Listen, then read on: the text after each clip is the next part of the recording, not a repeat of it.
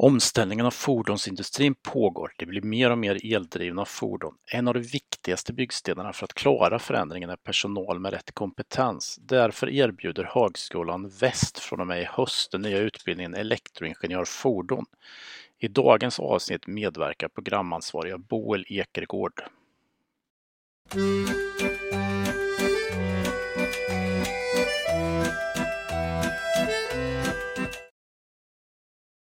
Varför startar Högskolan i Väst den nya utbildningen elektroingenjör fordon? Vi ser ett väldigt behov av ingenjörer som har den inriktningen på, på sin, ja, som har det fokuset helt enkelt. Dels genom kontakter via, via branschen. Då. Vi, har väldigt, vi har väldigt mycket kontakter med, med industrin och de ser ett väldigt behov av just den här kompetensen som den här utbildningen erbjuder. Det är egentligen därför för att behovet, det efterfrågade behovet är så, så stort. Okej, hur många platser har ni? Hur många kan gå den här utbildningen eh, på en gång? Ja, just nu är det 30 stycken i den här ingenjörsutbildningen. Då. Okej, har ni, jag förstår att ni har fått en stor förfrågan från branschen, men har ni gjort någon sorts analys hur stor efterfrågan är i liksom antal personer per år eh, för den här, eh, med den här typen av kunskapsbakgrund, om man säger elektroingenjör, fordon? Ja, det, det vi gör det, det är helt, när vi gör ett när vi börjar planera för att starta upp ett, sånt, ett nytt program, det är att hela tiden ha kontakt med, med branschen. Vad, vilket behov ser ni? Kortsiktigt behovet, långsiktiga behovet. Hur kan vi som högskola hjälpa till att, att eh, se till att ni får det här behovet som ni efterfrågar? Och det gör vi då bland annat genom att vi har kontinuerliga träffar, det vi kallar för branschråd. Då kommer det eh, kontakter då, från till exempel Volvo Cars, SEVT, NEVS, bland annat och sätter sig och diskuterar med oss, dels programansvariga för olika utbildningar men också avdelningschefer. Vad ser ni för behov? Hur kan vi hjälpa till? Och sen har vi också kontakter till exempel med Trollhättan kommun, med Arbetsförmedlingen. Vad ser de? Vad är, vad är det som efterfrågas? Så att det är genom sådana här liksom, olika, olika träffar, olika möten, olika eh, grupperingar som vi ser ett väldigt tydligt behov. Ehm, så det, det är egentligen så det går tillväga när vi initierar att starta upp en, en ny utbildning. Jag förstår när ni har den här typen av branschråd och dialog med företagen så förstår jag att de vill ha den här typen av kompetens. Då, men, men vad är det för typ av kompetens de vill ha? Vad har de för önskemål på själva utbildningen? Dels mer, det, är, det beror på vem man frågar, vill jag på säga. Det är därför vi försöker rikta in den här utbildningen på, på just fordon för att kunna behandla dels då, till exempel batterier. Vi ska kunna ha kurser om batterier. Vi ska kunna ha kurser om elektriska maskiner och då även liksom med flöd med eh, inte bara hur liksom effekt in och effekt ut, vridmoment, liksom elenergi in och moment ut, utan även, även utveckling av elmaskiner. Alltså, så vi har en kurs till exempel som kommer behandla eh, fälten i, i maskinen, elektromagnetiska fälten.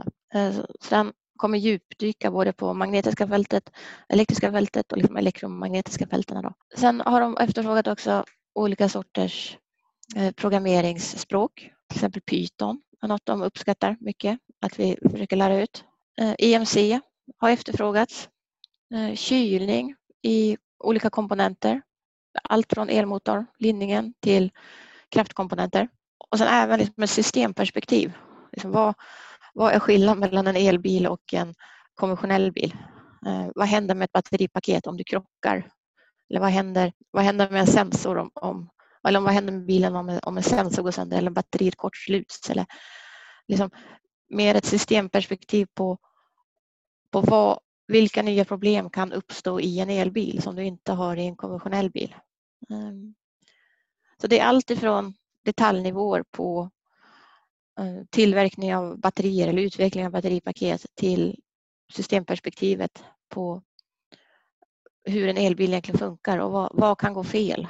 Vad måste man tänka på? Hur ska mekaniska strukturen se ut för att, eh, för att skydda de komponenter som, eh, som finns i en elbil men inte finns i en konventionell bil? Hur måste man göra om den mekaniska konstrukturen i en bil? Till exempel. Ja, det är högt och lågt på vilken kompetens som efterfrågas. Men det är väl det som behövs helt enkelt. Men hur många år eh, är själva utbildningen? Den är tre år. Så en högskoleingenjör. Ja. Eh, ni kommer att ha många lärare som har arbetat eller arbetar utanför högskolan. Varför? Det är, det är för att hålla utbildningen så uppdaterad som det bara går. Genom att vi har lärare som antingen jobbar ute eller har jobbat ute så får vi in nya perspektiv. Vi får in nya idéer, vi får in nya input, vi, får, vi lär oss hela tiden av vad som händer liksom just, just nu. Så det är ett sätt för oss och högskolan att, att hålla sig helt enkelt uppdaterade på vad, vad som händer. Men kan man säga att majoriteten av lärarna till och med kommer utanför högskolan eller kommer det vara, hur kommer mixen vara? Nej, nej, så är det ju inte. Uh, utan majoriteten sitter ju inne på campus då och mm. jobbar på högskolan. Absolut. Jag, eh, det ni använder lite som argument på Högskolan i Väst eh, det är ju det här att ni jobbar med arbetsintegrerat lärande. Kan du berätta lite vad det innebär?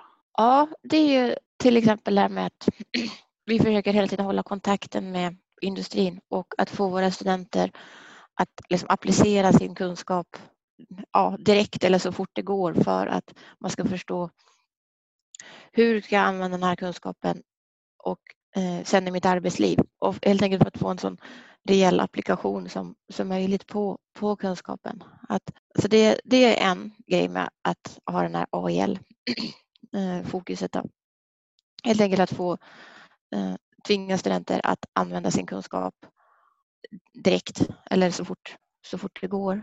Uh, och sen är det också väldigt bra för oss som jobbar på högskolan, alltså som, som lärare eller som forskare, så att, att vi hela tiden håller kontakten med industrin. Vad, vad är det de behöver? Vad är det de vill ha?